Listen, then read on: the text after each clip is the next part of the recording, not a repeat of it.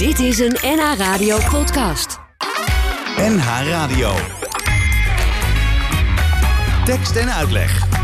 Jos Heremans.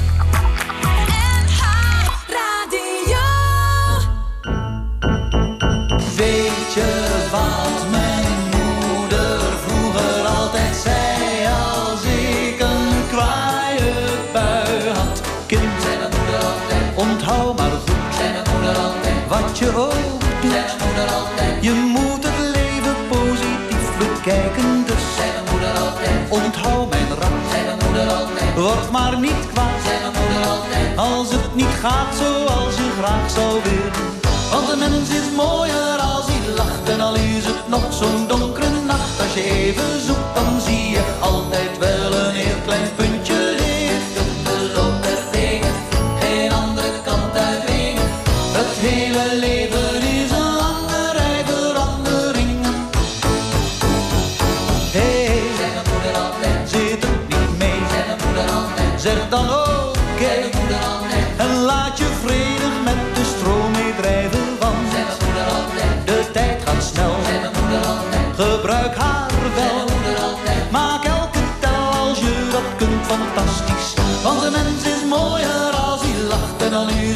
zo'n donkere nacht. Als je even zoekt dan zie je altijd wel een heel klein puntje licht Geen andere kant uit Het hele leven is een lange rij veranderingen Kijk, zei mijn moeder altijd, een optimist, zei mijn moeder altijd, die zich vergist, zei mijn moeder altijd, die heeft beslist wat minder last van tranen dan een chagrijn, zo'n fles azijn, zei mijn moeder altijd,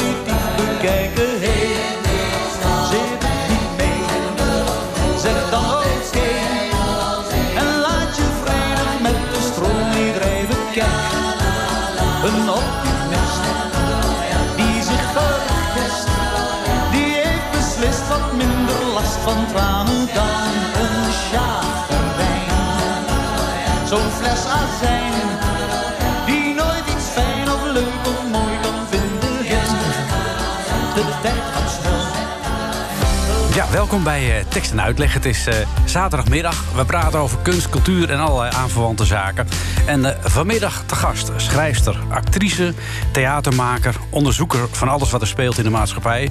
Maar bovenal vrijmoedig mens, Nashmi Oral... Samen met Marcus Azini en Siddharth Toxus staat ze nu in de theaters met God is een moeder. Een zoektocht naar de complexe verhouding tussen moeders, hun kinderen en religie. Nashmi, goedemiddag. Goedemiddag. Je, moet je microfoon ietsje naar beneden doen, denk ik. Iets naar beneden, Ja, zo. Kijk, ja, zo is hij helemaal goed. Gezellig. Eh, leuk dat je er bent. Vind ik ook, Ehm, dankjewel. Thanks for having me, zeggen de Amerikanen. Ja? Dat zeggen de Amerikanen dan. Ja, ja, dat, eh, Fijn dat ik hier mag fijn zijn. dat je er hier mag zijn. Dat rijmt ook nog lekker. Ja. Ehm, ja, ik heb het net over. eh, eigenlijk zeg ik van het is een voorstelling. Maar eigenlijk doe je jullie tekort als je zegt dat God is een moeder een voorstelling is, vind ik. Oh, nou, jij hebt het gezien. Ja, want het is meer. Kun jij omschrijven w- wat het is?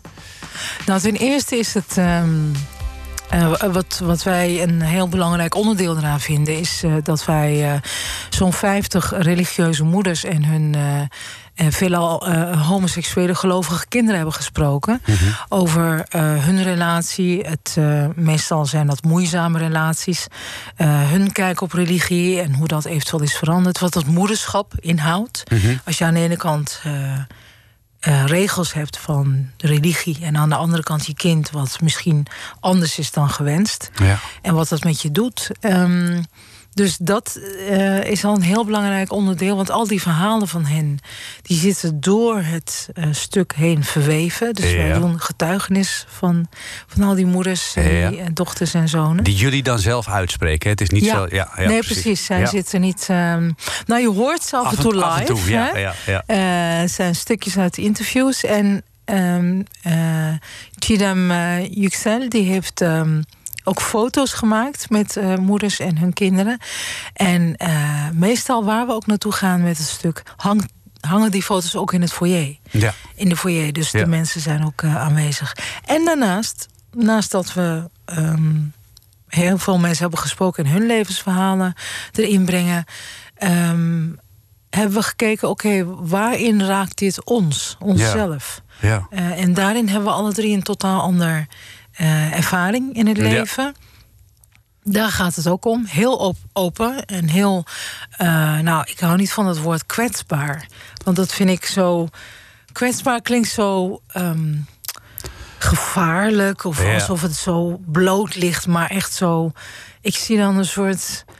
Eh, een, een open oester of zo waar je Ja. in kan prikken, weet Ja, je? maar ja, nee, het is niet kwetsbaar. Het is, Het het is- transparant, vind ik. Het is Eerlijk, open. Het is eer- eerlijk. ja. ja, vooral eerlijk. Ja. Ja. En, en, eh, en ik vind dat een hele fijne plek, die transparantie. Omdat. Oh, er is ontspanning. Er is, eh, je hoeft niks meer op te houden. Je hoeft niks meer. ehm, eh, hè, net Ja. doen alsof er niks aan de hand is. Of eh, je hoeft niet. eh, eh, je bent ook niet alleen. Want als je met dingen zit, Mhm. dan voel je ook, tenminste, dat is mijn Ja. ervaring, ben je vooral geïsoleerd. Hè? En Voel, heb je te maken met je gevoelens of denk je erover. En, en Ja. voor de rest denk je, nou, iedereen heeft het leuk. Of, eh, behalve ik. Behalve ik. Of, maar als je transparant bent, dan eh overstijg je jezelf ook ergens. Dan Ja. wordt het ook niet zozeer meer Marcus die leidt, of Nas Mhm. die leidt, of Siddhar die leidt. Maar dan is het, oh ja, het is de menselijke conditie. Het hoort erbij. En, Ja. ja. Ja, het is heel ontspannend en troostrijk, vind ik. Ja, want jullie brengen dus behalve zeg maar, al die getuigenissen van andere mensen, de getuigenis van jullie zelf, Ja. jullie eigen ervaring. Ja. Daarnaast wordt er nog een boek gebruikt van Tofik Diwi. Ja, oh Eh, ja, sorry, waar- dat was ik vergeten. Geweldig. Ja, waarin Oh. ook eh, fragmenten naar voren komen. Daar gaan we het straks nog wel even over hebben. Ja, graag. Waar, waar ik Want eigenlijk ik wil mee- reclame maken voor dat boek. Ja, ja, dat nou, boek is dus- zo goed. Dat is wel heel indringend, ja. Ja, echt. Ehm, waar ik even mee wil beginnen was... je zegt dat wel zo makkelijk van... we hebben 50 mensen gesproken die daar eh, hun, hun mening over geven... of hun ervaring. Ja, Maar dat lijkt me nog niet zo eenvoudig. is het ook niet. Hoe krijg je die mensen zover dat ze dat willen zeggen? Want het zijn onderwerpen die eh, zeker bij bepaalde religies... niet direct eh, op tafel liggen. Nee, zeker. Ehm, en niet alleen maar niet zomaar op tafel liggen. Het kan ronduit gevaarlijk zijn om het erover te hebben, überhaupt. Oké, ja. Om ervoor uit te komen van, nou, in- dit speelt in mij. Zelfs in Nederland? Oh ja. Ja? Ja, maar gevaar bedoel ik niet meteen, eh, eh, weet ik veel, je wordt eh, doodgeschoten of zo. Nee. Maar gevaar kan ook zijn, oh, dus zo zit het bij jou. Oké, wij gaan je uitsluiten. Ja. Ehm, en uitsluiting en zo, hè? Eh, even, ik doe, neem een zijpad, ik kom weer terug. Ja, op je. Maar even, eh, uitsluiting, daar hebben we natuurlijk eh, de angst daarvoor en zo. En, Mhm. en, en het tegengaan daarvan. En maken we ons leven lang mee als Ja, mens. ja. Hè? Van kleins af aan, nou, kleuterschool wil je meedoen. Op school wil je zo normaal mogelijk. En ook daarna wil je gewoon hè, een onderdeel zijn van de maatschappij. ja. En ik weet niet hoe het met jou zit, maar ik zelf had persoonlijk ook. Ik nam het mezelf kwalijk als ik ehm, eh, merkte dat ik toch dat belangrijk vond of zo. Ja. Hè? Of dat het pijn kon doen als dat niet zo was. Als je Dat- uitgesloten werd. Ja, precies. En dat dat pijn kon doen. Terwijl je zag van, nou ja, doei, eh, kan me niet schelen. Laat maar, ja. Ja, laat maar. Maar toch dat het je pijn doet. En nou blijkt dat dat... eh, wij zijn biologisch zo gebouwd. Oh, Het, is, het, is, eh, het staat gelijk aan dood. Als je totaal uit de groep waar je zou toebehoren... Ja. je bestaat niet, je, je kan niet eh, zijn wie je bent... Mhm. je wordt niet gezien, niet gehoord... en ze doen net alsof je dood bent. En je hebt nergens anders om naartoe te gaan. Dat is letterlijk de dood. Ja, precies. Ja, Ja. dat lijkt me ook wel. Dus ja. het is heel stressvol. ja. Inderdaad, heel moeilijk om erover te praten. Niet alleen bij eh, islamitische mensen, Mhm. ook bij mensen die eh, zwaar gereformeerd zijn. Precies. Ja. Bijvoorbeeld heel, heel veel schuld, heel veel eh, soms verwarring, heel veel, eh, al die regels hè, Ja. waar je aan vastzit. Maar hoe hebben jullie ze zover gekregen dat ze dat verhaal wel, wil, wel wilden doen? Heb je geld geboden? Wat heb je gedaan? Nee, eh, ehm, ik, wij hebben een paar collega's bij Zina, Adelaide Zina. Ehm, eh, het is een co-productie hè, met Toneel Ja. op Oostpol en Zina. ja. En eh, ik ben eh, vanaf het begin bij Zina. En ehm, onze core business is eigenlijk dit. Precies wat je nu vraagt. Ja, En je- hoe je dat doet is. ehm, je gaat natuurlijk, hè, je hebt het Mhm. netwerk of wat dan ook, je, je gaat mensen benaderen. Maar je doet het op zo'n open, oprechte manier. Mhm. Vanuit werkelijke nieuwsgierigheid. Mhm. En, ehm, en een gelijkwaardigheid. ja. En een gelijkwaardigheid is ook dat jij ook open bent. Jij vertelt ook wat Ja. jij hebt meegemaakt. Precies. Ja. En als je daarin zit, dan ben je geen kolonialist. Nee. Dan ben je niet eh, iets aan het brengen of aan het halen alleen maar of whatever. Ja. Maar dan is het gelijkwaardig. En ik moet zeggen, ik zelf Ja. Ben in mijn hele leven... en wij zijn met Adelaide Sina al vanaf 2003 bezig... Ja. dus 17 jaar... Ja. ben ik nog nooit iemand tegengekomen... die, als ik daar tegenover stond... Ja. met oprechte interesse... Mhm. wie ben jij en hoe werkt dat in jou... Ja. eh, dat iemand niet open ging. Oh, Oké. Ik, heb ik nog nooit meegemaakt. Maar daar heb je eh, geduld voor nodig, denk ik. eh, en inlevingsvermogen. En openheid. Ja. Ja, open. Eh, eh, open daarmee bedoel ik... Ja, geduld natuurlijk. Ja. Eh, ge- maar geduld, wat is geduld? Geduld, als je... De stel- tijd nemen. Je, bedoel, je, Ja, precies. Je, moet, je kunt natuurlijk niet zeggen van... nou kun je even in vijf minuten vertellen wat jou is overkomen met je zoon. Nee, precies.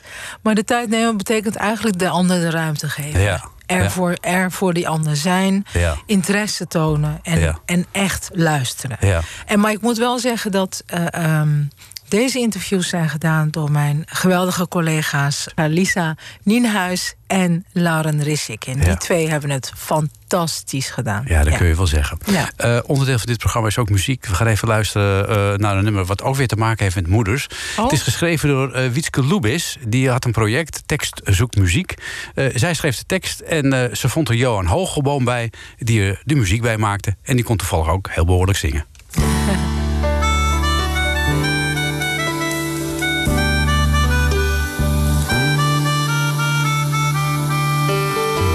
Bij voorkeur kijk ik schichtig weg of draai ik me weer om. Wanneer ik onverwacht een vage kennis tegenkom, dan bid ik dat diegene niet zo even naar me keek. En doe ik alle boodschappen wel later deze week. Want stel dat ik gedag zeg, hoort dan wel of niet een zoen. Dat heb ik van mijn moeder, daar kan ik niks aan doen.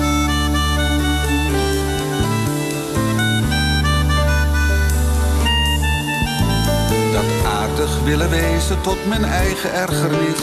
Voor iemand die verdomme zelf totaal niet aardig is. Voor iedereen een schouder of een warm gezellig oor. Bereid tot medeleven en tot koffie tussendoor. Voortdurend vastgehouden door dat knellende fatsoen. Dat heb ik van mijn moeder, daar kan ik niks aan doen.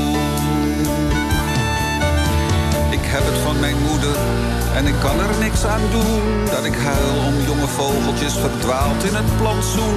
Ik struikel door het najaar, door het afgetakeld groen. Dat heb ik van mijn moeder, daar kan ik niks aan doen.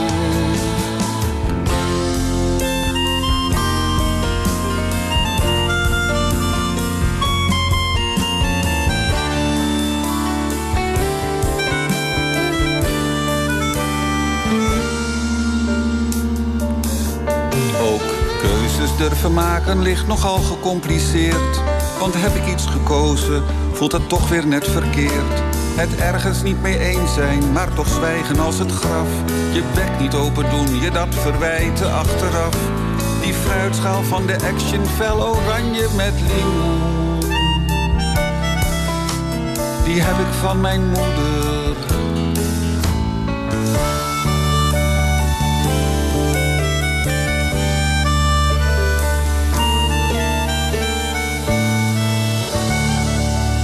Johan Hogeboom zong een nummer van Wietske Lubis. Het heette Van Mijn Moeder. En we praten met uh, Nashmi Oral. Zij uh, is uh, schrijfster, actrice, theatermaker. Vrijmoedig mens, vooral, dat vind ik. Althans, hoe zou, zou je jezelf ook zo willen omschrijven? Want de, je wordt zo vaak van jou gezegd, Nashmi, van... ja, dat is zo'n krachtige, sterke vrouw. Maar dan denk ik altijd zoiets van... volgens mij zeg jij gewoon wat je denkt. En ben je gewoon een, een eerlijk, open, recht door zee mens. Ja, dat probeer ik wel te zijn, ja. En, en soms komt dat er heel bitchy uit. Uh, en soms onhandig. En soms. Uh, uh, maar ja, dat is, dat is wel. ik vind sterk en krachtig, vind ik inderdaad ook zo van die. Zijn een beetje clichés geworden. Ja, maar ook. Ja, sowieso. Maar. Um, ik, ik, zie, ik zie dan iemand voor me die heel hard is of zo. Ja. Dat ben ik wel heel lang geweest. Oh ja? Omdat, ja, ja, want. Uh, had ik zelf natuurlijk niet door. Maar uh, dat was een hele goede overlevingsstrategie. Uh, zeg en, maar. in welke periode was dat dan? Was dat in je puberteit? Dat je je staande moest houden op je middelbare school of iets? Of dat je los moest maken van je moeder? Nou, ik denk dat ik toen ik wegging uit Hengelo... en de tijd dat ik in Arnhem was... Uh, nou, zeg maar, tot ik ging uh, uh, trouwen met Henk en kinderen kreeg. Ja. Nou, in die tijd, drie, vier jaar, ik denk dat ik daar, ja, achteraf gezien, ontzettend zo um, van was. Ja. Dus ik voelde niks wat ik deed. Weet je, had niet door, maar ondertussen brak veel harten en ja. bla bla. En na de scheiding met Henk en de wereld ingaand en mijn eigen vrouw moeten worden en ja, zo. Toen dacht ik, wow, ik moet keihard werken, ik moet brood op de planken ja. en ik moet overeind blijven. Toen ben ik heel, uh, heel erg uh, um, stevig geworden. Ja. Uh, sterk, zogenaamd. Ja. Maar dat was oké, okay, maar daarna nee. Dat was echt een uh, kooi. Ja. daar werd ik ook ziek van eigenlijk. Echt letterlijk ziek? Ja, zo zeg maar overspannen. Hmm. Ja omdat je aan al die verwachtingen moest voldoen? Ja, of? van mezelf vooral hmm. heel erg. En heel, heel hard werken en heel veel druk op mezelf. En, ja. uh, en eigenlijk continu onveilig voelen, maar dat niet doorhebben van Hmm. mezelf. En mezelf nog meer opjagen. En wanneer voelde je je weer veilig? Uh, nou ja, dat is een heel lang proces. Maar. Maar ik bedoel, ik kan als, als ik eerlijk ben, en waarom niet? Ja, maar, ja. Ik, heb net ik- ge- ik heb net gezegd dat je dat bent. Nou, kijk, weet je waarom ik fijn vind om eerlijk te zijn? Nou. Als ik dat zelf meemaak van iemand anders. Mhm. Oh, als ik dat hoor, ik word daar zo blij van. En ik word Ja. daar zo. Het maakt mij groter als Ja, mens en ja. ruimer. En, en ja, het is zo. Maar goed, ik dacht vanochtend nog, ja. dacht ik. Oh, fuck. Ik, ik merk dat ik, eh, dat ik mezelf soms een beetje saboteer. Mhm. door bijna te laat te komen op afspraken. Omdat er in mij een soort klein kind is wat het liefst. ah, ik wil niet naar werk, ik Oh, wil ja. buiten, niet naar buiten, Ja, ik wil. Mhm. lekker thuis. En als ik dan nog dieper ging kijken, was het omdat ik me onveilig voelde. Omdat ik Mhm. dacht, ja, maar wat als ik buiten en dan gaan mensen. eh, kunnen ze iets zeggen over mij? Kunnen ze Ja. zeggen, je bent niet goed. Of, eh, nou, ik vind je helemaal niet eh, goed acteren of whatever. Ja. Dus wat ik maar bedoel, het is een proces. Tot Ja. de dag dat je dood bent. Ja, precies. Maar op dit moment voel je je veilig en sta je in de theaters. Ja, Jullie staan daar ook met z'n drieën. We hebben het net even gehad over al die mensen die je hebt geïnterviewd, deel zelf. Ja. Toen kwam het proces dat je met z'n drieën het theater in moest. Ja. Eh, en dat, dat is een, eh, een, een bond gezelschap. Want jij eh, staat daar samen met Marcus Azini Ja. en uh, Sidar Toxus. Ja. Maar Marcus Azini is eigenlijk een regisseur. ja, precies. Waarom gaat die man in godsnaam acteren?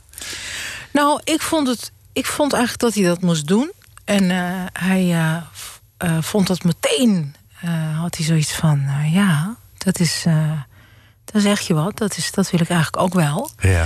En, ehm, ehm, En nou, hij zegt zelf ook hè, in Ja, de hij voorstelling. ja, voorstelling. dat, hij, dat hij zegt, ja, ik weet het zelf ook niet precies. Het is natuurlijk de, de, het onderwerp. Ja. Eh, en ik vind het ontzettend ehm, hartverwarmend. Ja. Als een regisseur die eigenlijk lekker veilig Ja. eh, op de tribune en de rest eh, de dingen laat doen. Eh, ik denk dat hij letterlijk eh, zichtbaar wilde zijn, zichzelf Wilde laten zien. wilde laten zien. Ja. Met alle ups en downs Ja, want, over dit onderwerp. ja, want het is natuurlijk wat hij, hij legt dan ook uit hè, aan het begin van de voorstelling. Ik weet niet of hij dat iedere avond doet hoor, maar Dat doet hij. Ja, Ja, legt hij uit van ja, ik kijk natuurlijk altijd, eh, net als het publiek, vanuit de zaal richting toneel. Nu kan ik een keer andersom kijken. En dat begrijp ik. Maar dan doet hij dat ook meteen met een onderwerp waarbij hij eh, zelf heel nauw betrokken is. Hij is homoseksueel, hij komt uit Brazilië, uit een streng katholiek gezin. Hij is tweede homoseksuele zoon, Ja. ook nog eens in dat gezin. Dus die- Twee zonen, twee, twee alle twee zonen, homoseksueel. homoseksueel. ja. En die, die moeder die dacht, mag het wat minder? En eh, nou ja, dan krijg je dus... En daar gaat hij dus mee op het toneel staan. Dat is een, dat is een hele stap. Ja, zeker. En dat, eh, en dat doet hij ook. Dat doet hij ook heel goed. Vind Ja. ik. Of daar, daar is inderdaad heel veel moed voor nodig. En ehm, eh, ja, nou ja, dat gaat ook met vallen en opstaan. In Ja. het begin ga je, eh, ga je een beetje om de hete brei heen eh, draaien. En gaven we alle, ons allemaal een beetje opdrachtjes in de repetitieruimte, weet je wel. En Adelheid, die doet de eindregie Adelheid Rozen. Ja. Dus die kwam één keer in de week een beetje zo koekeloeren van... eh, waar zijn jullie, wat hebben jullie gedaan, Ja. bla bla. En ehm, ja, na een aantal weken zei Marcus... jongens, ik, ik eh, heb afgelopen nacht niet kunnen slapen... want ik... ah, we zijn al drie weken verder en ik weet niet wat ik... Ik, kan, ik kom maar niet uit mijn kokon of zo. Nee. Dus wat ik ga doen is, ik ga nu een paar weken voor jullie zitten. Ik wil even die rol weer op me nemen van regisseur. Want dan kan ik gewoon, dan voel ik me senang. En eh, dus het, het, was, het was zoeken. Zoeken, ja. Want hij moest wel zijn verhaal vertellen. Hij vertelt heel veel persoonlijke dingen, zoals jij dat ook doet. En zoals eh, natuurlijk eh, iedereen dat doet in die voorstelling. Sidar, Ja. Sidar, Sidar is dan, zeg maar... ja, die, die, vertelt het verhaal, die vertelt eigenlijk het verhaal van... ik ben eigenlijk een hele gewone jongen. Ja, ja, precies. Met alles wat daarbij komt. Hè? Van, van eh, nou ja, zonder te veel te willen weggeven. Maar ook alle gevoelens die je daarbij kan hebben naar Ja. homoseksuelen. Waar je nooit Ja. bij stilstaat, weet je wel? nee, dat is Omdat je inderdaad- die helemaal niet kent. Of, eh, Ja. Dus dat... ehm, nou ja, het was soms ook wel moeilijk. Het is soms ook eh, zonder dat het... Zonder dat je elkaar dwingt of duwt, want zo werkt het niet. Mhm. Maar je moet wel elkaar uitdagen. Ja, hoe deed je dat? Nou, gewoon heel simpel.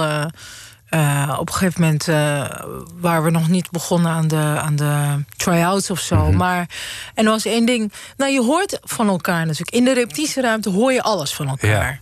Dus hoe je dat doet is. ehm, eh, mijn collega's hebben dan iets gezien in mij. Ja. Dus die zien bijvoorbeeld, oh, Nas vindt, vindt dit heel eng. Ja. Of daar is ze eigenlijk heel bang voor. Of dit vindt ze heel moeilijk om te laten zien. Maar het is Ja. zo mooi. Ja, En die angst is ongegrond. ja, En we gaan haar ervan overtuigen dat het ongegrond is. Ja. En hetzelfde eh, had ik ook naar Marcus. Dat, dat, eh, er was één ding wat hij eh, voor zich hield. ja. En wat En, was dat? ja. Of moeten we daarvoor naar de voorstelling? Ja, dan daarvoor moet je naar de voorstelling. Maar dat gaat over zijn moeder. ja. En ik vond dat hij. eh, eh, en we hadden nog niet gespeeld, we waren in de Nee. repetities. En op een gegeven moment hadden we dat stukje weer gehad. En toen zei ik eh, tegen Marcus: Marcus, je, je bent iets eh, aan het vertellen over je moeder. Maar ik vind, je vergeet het belangrijkste. Dat is namelijk dit. Dit Ja. zegt iets over haar. Ja. Dat vond hij. eh, en dan is hij stil. Ja. Dan zegt hij niks. Ja. En dan ken ik hem. En dan denk ik, nou, ik laat hem. Ja. En, en, en dan daarna brengt hij het in. Ja. En ik weet dat dat moed kost. Ja, ja, ja. Weet je wel? Want Eh, hij wil het het liefst. eh, net zoals ik ook als eh, blinde vlekken heb. Je weet niet. Sommige Nee. dingen denk je, nou, misschien wil ik dat wel voor mezelf houden. ja. Wat kostte jou het meeste moeite om, om te vertellen aan die anderen? Nou, niet aan die anderen. En, maar, en daarmee, daarmee ook aan het publiek natuurlijk. Ja, ja, ja. Nou, of mijn broertje bijvoorbeeld, broertje Ja. Arif. Daar, dat was. eh, ja, en in de voorstelling zeg ik op een gegeven moment dat ik. eh, omdat wij deze voorstelling aan het maken zijn, eh, dat ik aan hem heb gevraagd van goh. Want ik heb, ik heb altijd gevoeld, gedacht, volgens mij is hij homo. Hebben we het nooit over gehad. En op een gegeven moment, omdat ik met deze voorstelling bezig was, vroeg ik hem dat. Ja. En inderdaad, hij zegt: ja, ik word verliefd op mannen. Ja. Ja, mijn broertje Arif, die is uh, verstandelijk uh, gehandicapt. Die is 48, maar voor altijd een soort 5, 6. Dus dat vond ik... Um, nou, niet zozeer moeilijk, maar dat was... Ja, dat, dat vond ik wel... om daar echt een coherent verhaal van ja. te maken. En ook mijn moeder weet dit niet. Ja.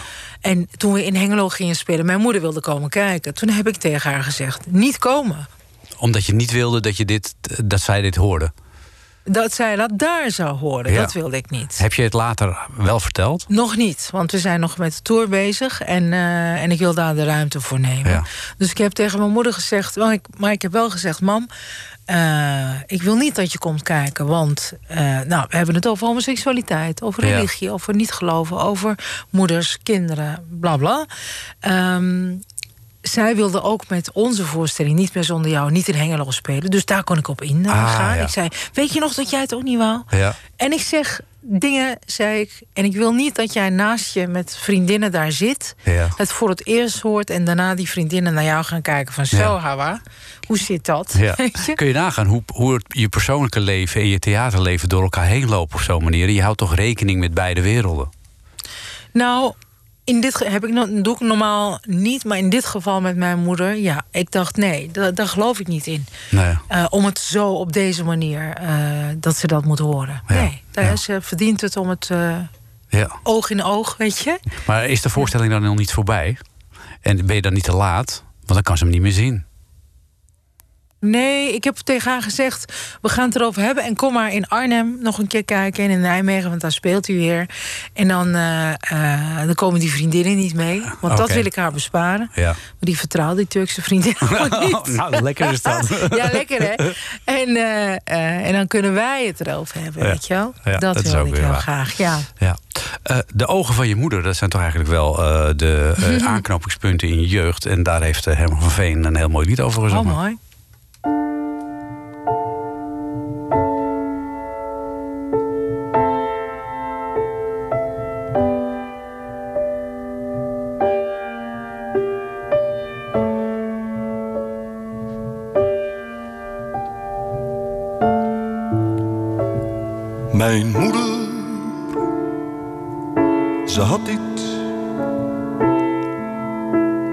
Gevaarlijks.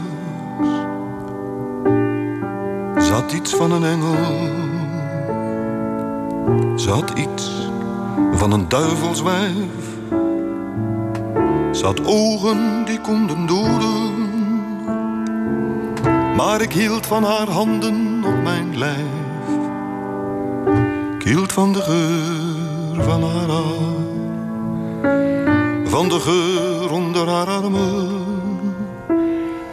in de ogen van mijn moeder was altijd een lichtje. In de ogen van mijn moeder was altijd een lichtje. Altijd vond ik daar de liefde in de ogen van mijn moeder. In de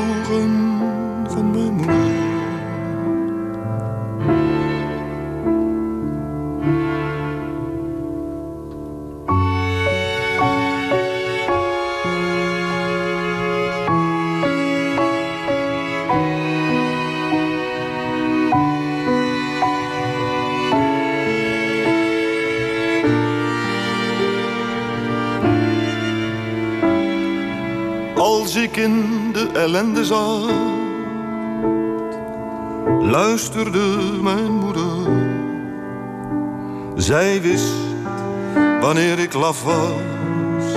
Zij wist wanneer ik zwak en dronken als een tor was. Zij kende de geur van mijn voeten. Zij wist hoe ik ben in het bloed als ik ziek was en bang, verstopte ze me in haar schoot, in de ogen van mijn moeder. Was altijd een lichtje in de ogen van mijn moeder. Was altijd een lichtje.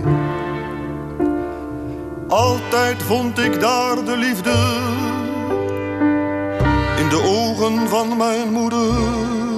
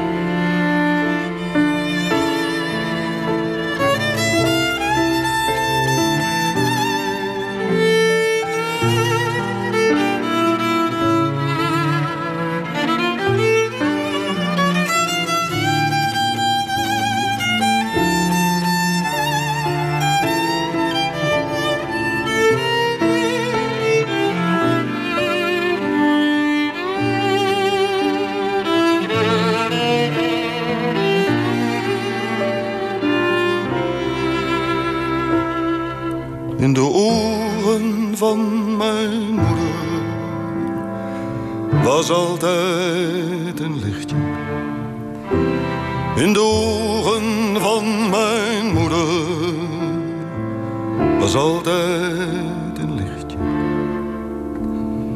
Altijd vond ik daar de liefde in de ogen van mijn moeder. In de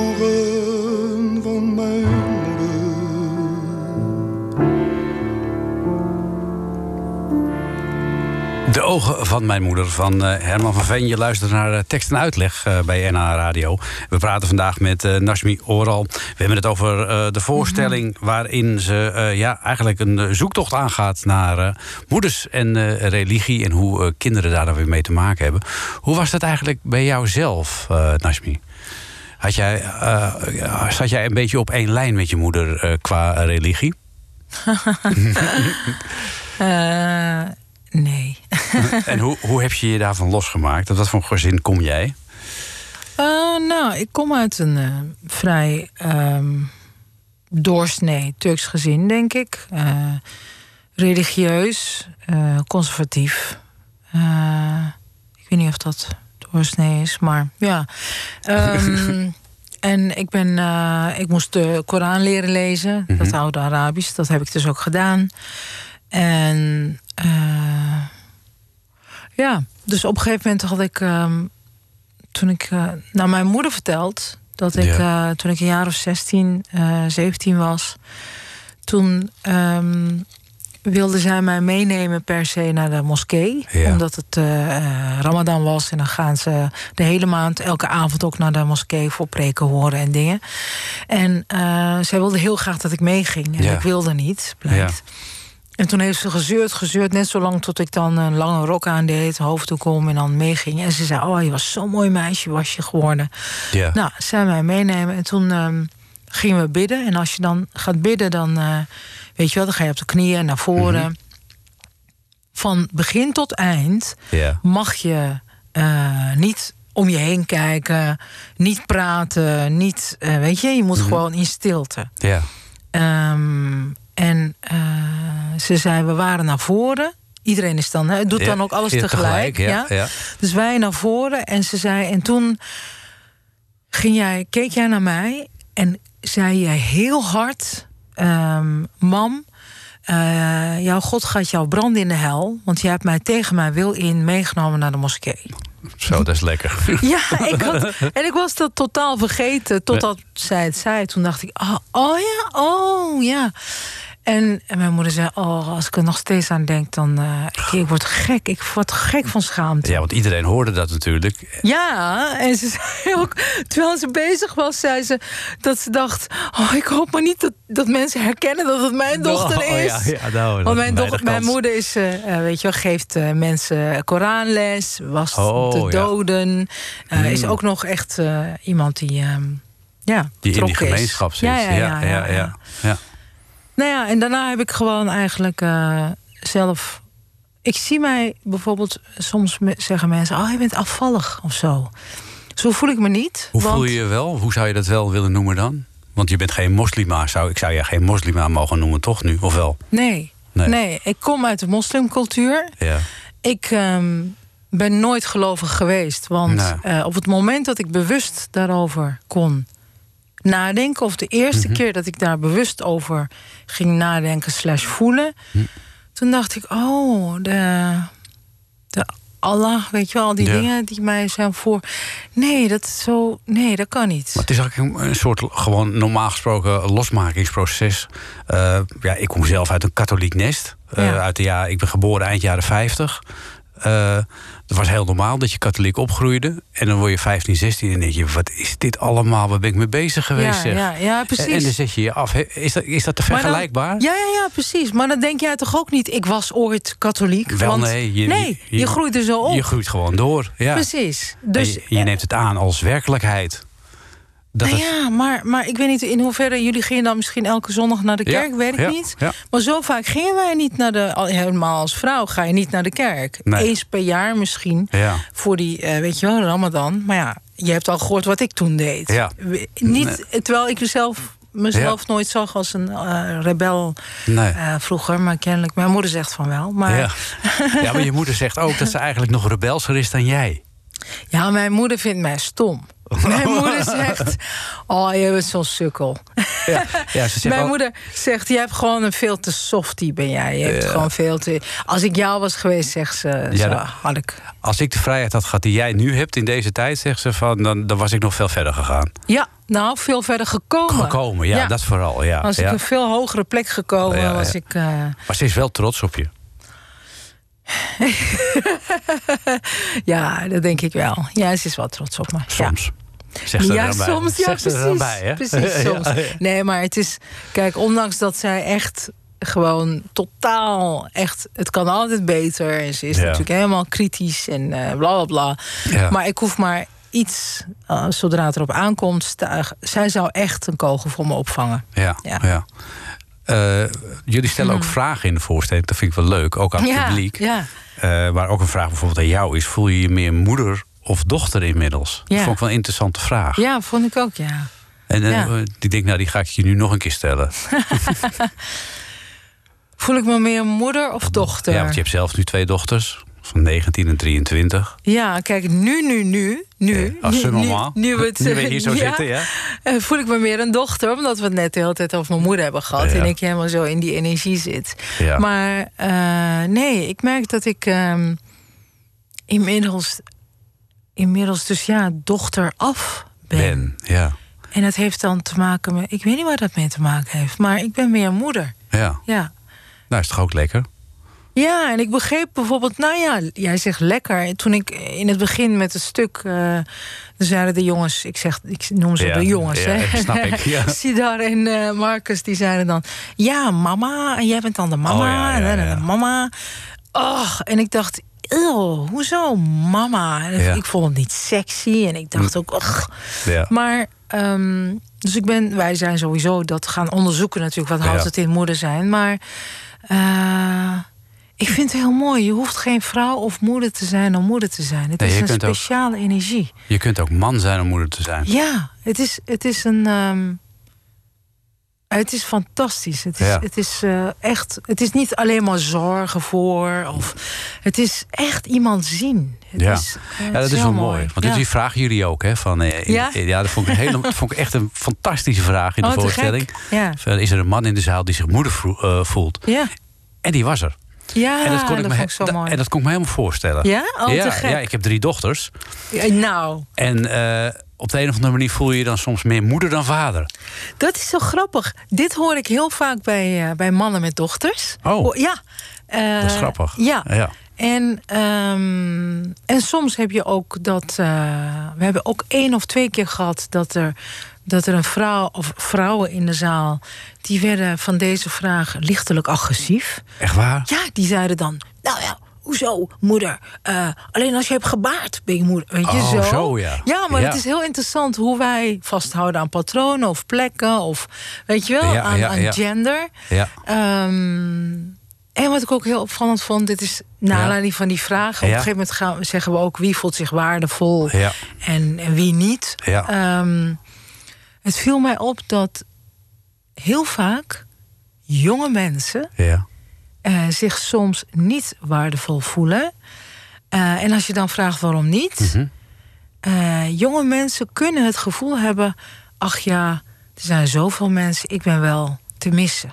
Ach. Ja, heftig hè? ja, dat vind ik een sneu gedachte. Ja, maar ik, ik herinner me dat wel Ja. van mezelf ook. Oh. En, en ik kom het tegen, dus het is een soort. Ik vond het heel heftig. Ja. Ja, ja. Ik vind het wel opvallend dat, dat door die vraag aan het publiek... jullie zijn zelf heel open en eerlijk... Ja. daardoor stelt het publiek zich ook heel open. Ja. Eh, de, de, de, eh, laten we nog even hebben over de voorstelling... waar ik er toevallig bij was. Want het is natuurlijk iedere avond anders. Ja. Daar was een vrouw en die, ja, die ging gewoon uitleggen... dat ze geen kinderen had gehad Ja. en ge- gekregen. En dat ze het eigenlijk best heel vervelend vond. Ja. En toen kwam er een hele mooie vraag. Ik meen van Marcus. En die Ja. vroeg van ja, eh, maar je hebt wel moedergevoelens. Ja, die had ze wel. ja. En die vertelde eerlijk dat ze die dan moest projecteren op eh, dochters van vriendinnen en ja, dergelijke. precies. Ja. en ja, Ja. Dat, dat is heel pijnlijk natuurlijk om dat te, te vertellen. Maar de sfeer is wel zo veilig in het theater dan dat iemand dat durft te vertellen. Maak je dat vaak mee? Ja, ja, ja. Eh, bijna elke avond. Sommige. Ja. steden of publieken, moet ik zeggen, Ja, eh, zijn iets opener en helemaal daar. Ja. En willen heel graag Ja. dan andere steden en plekken. ja. Eh, maar ja, we hebben nog nooit dat. dat dat niemand wat zegt. nee, nog Nee. nooit. Oh, gelukkig. Maar, want nogmaals, als je echt oprecht luistert, mensen willen, willen heel graag vertellen ook. Ja. En gehoord worden. En Ja. die vrouw ook, mevrouw van gisteren. Met ik had graag gewild, maar het zat er niet in, eh, een kindje krijgen. Het is ook louterend om het te kunnen delen. Ja. Ja. Ja, nou dat zit allemaal in deze voorstelling. We gaan naar eh, de moeder van het plein van eh, Louise Korthals. Dat is ook weer zo'n echt gevoel waarbij je denkt van ja, oké, inderdaad. Iedereen wil dat wel weer eens terugverlangen naar die moeder... die vroeger op het schoolplein op je stond te wachten. Louise Korthals.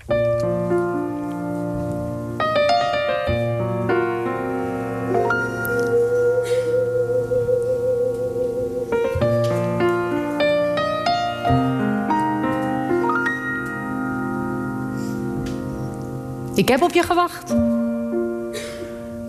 Zolang dat ik al bijna oud was. Ik heb op je gewacht. Zoals vroeger op het plein. Toen je met je bruine haren en je nagels in het rood naar me lachte en me stralend in je warme armen sloot. Ik heb gewacht zodat je nogmaals kon vertellen hoe papa soms onmogelijk en hoe je voor ons vocht. En hoe je bijna was vertrokken met die mooie rode nagels om ons de veiligheid te bieden die je zelf als kind al zocht. Ik heb gewacht, zolang dat ik je erom haatte op de belofte van de moeder, de mooiste van het plein. Die met de roodste lippen waar geen ander aan kon tippen. Maar die s'avonds zat te huilen boven glazen witte wijn. Ik heb gewacht in de hoop je terug te halen. Naar de bedrand en de liedjes die je teder voor ons zong. Naar de teksten die je schreef en naar de grap waar je in bleef. De verkleedkist op de zolder, de partijtjes in de zon.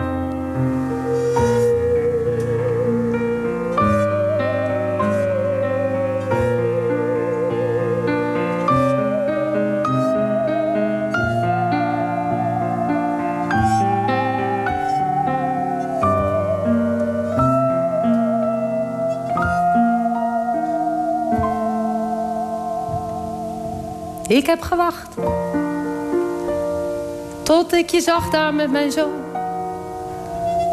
Zo broos, zo onhandig, met zijn pamper in de weer. En dat je keek of het wel goed was. Toen je hem nog even voorlas. En je met ongestifte lippen vroeg. Wanneer kom je weer?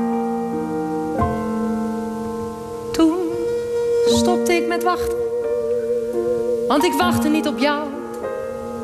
Ik wachtte op die moeder van het plein. En ik wil je laten weten dat ik haar nooit zal vergeten. En dat de schaduw van een moeder ook heel mooi kan zijn.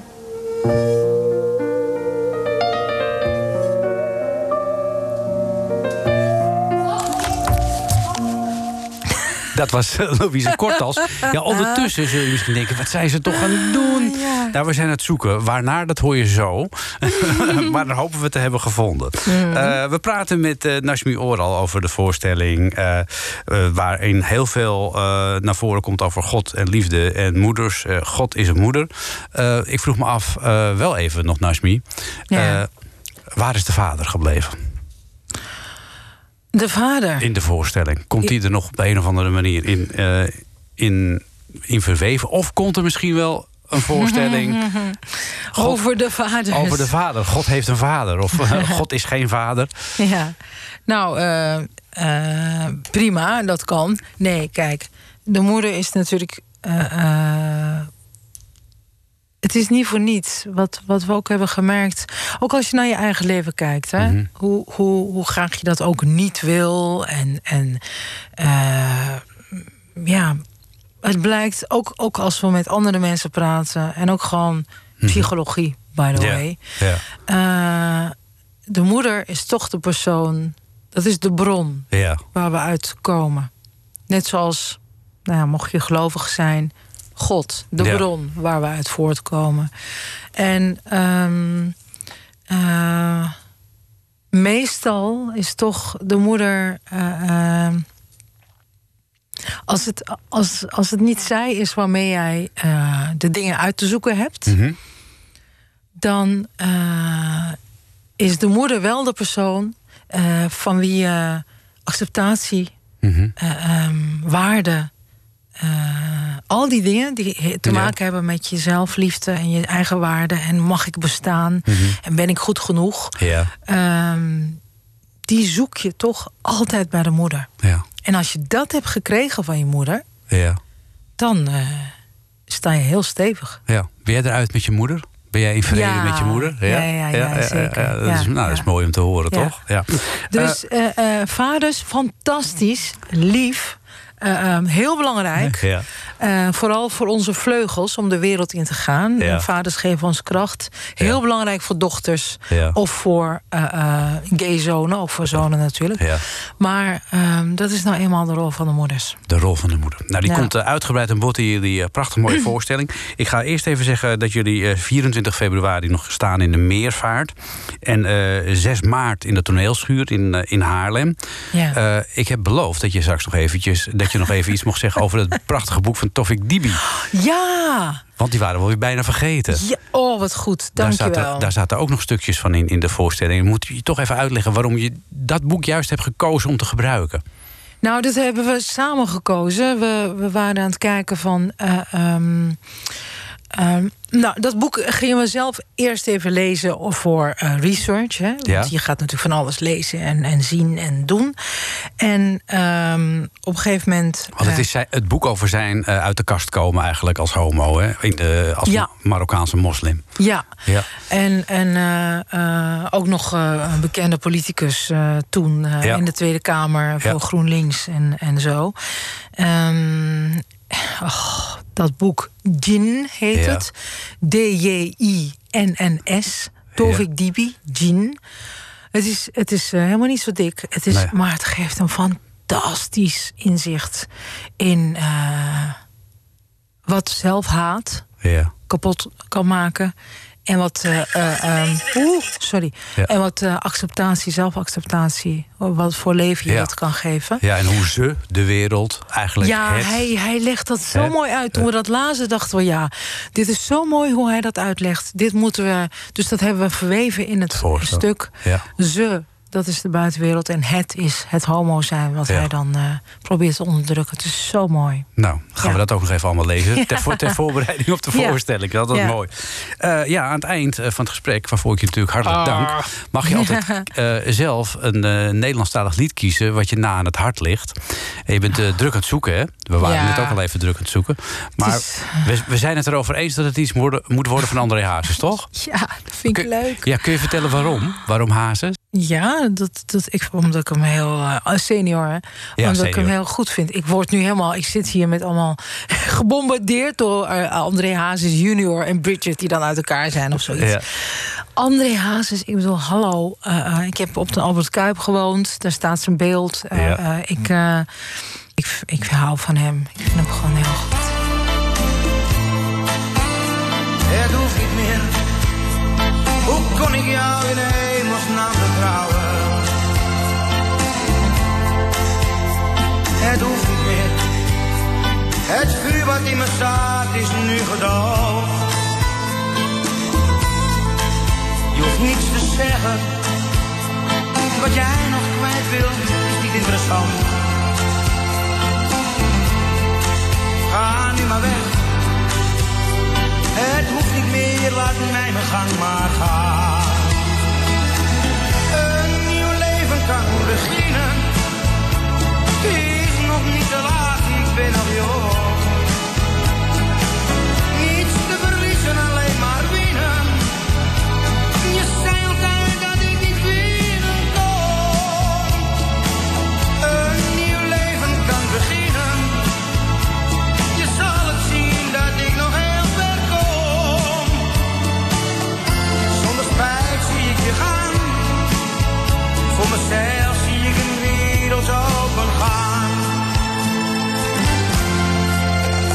hoeft niet meer. Pak nu maar je speuren en verdwijn. Wil niet meer horen. Dit huis is nu voor jou en mij te klein. Je hoeft niets te zeggen. Wat jij nog kwijt wilt is niet interessant. Ga nu maar weg. Het hoeft niet meer, laat mij mijn gang maar gaan.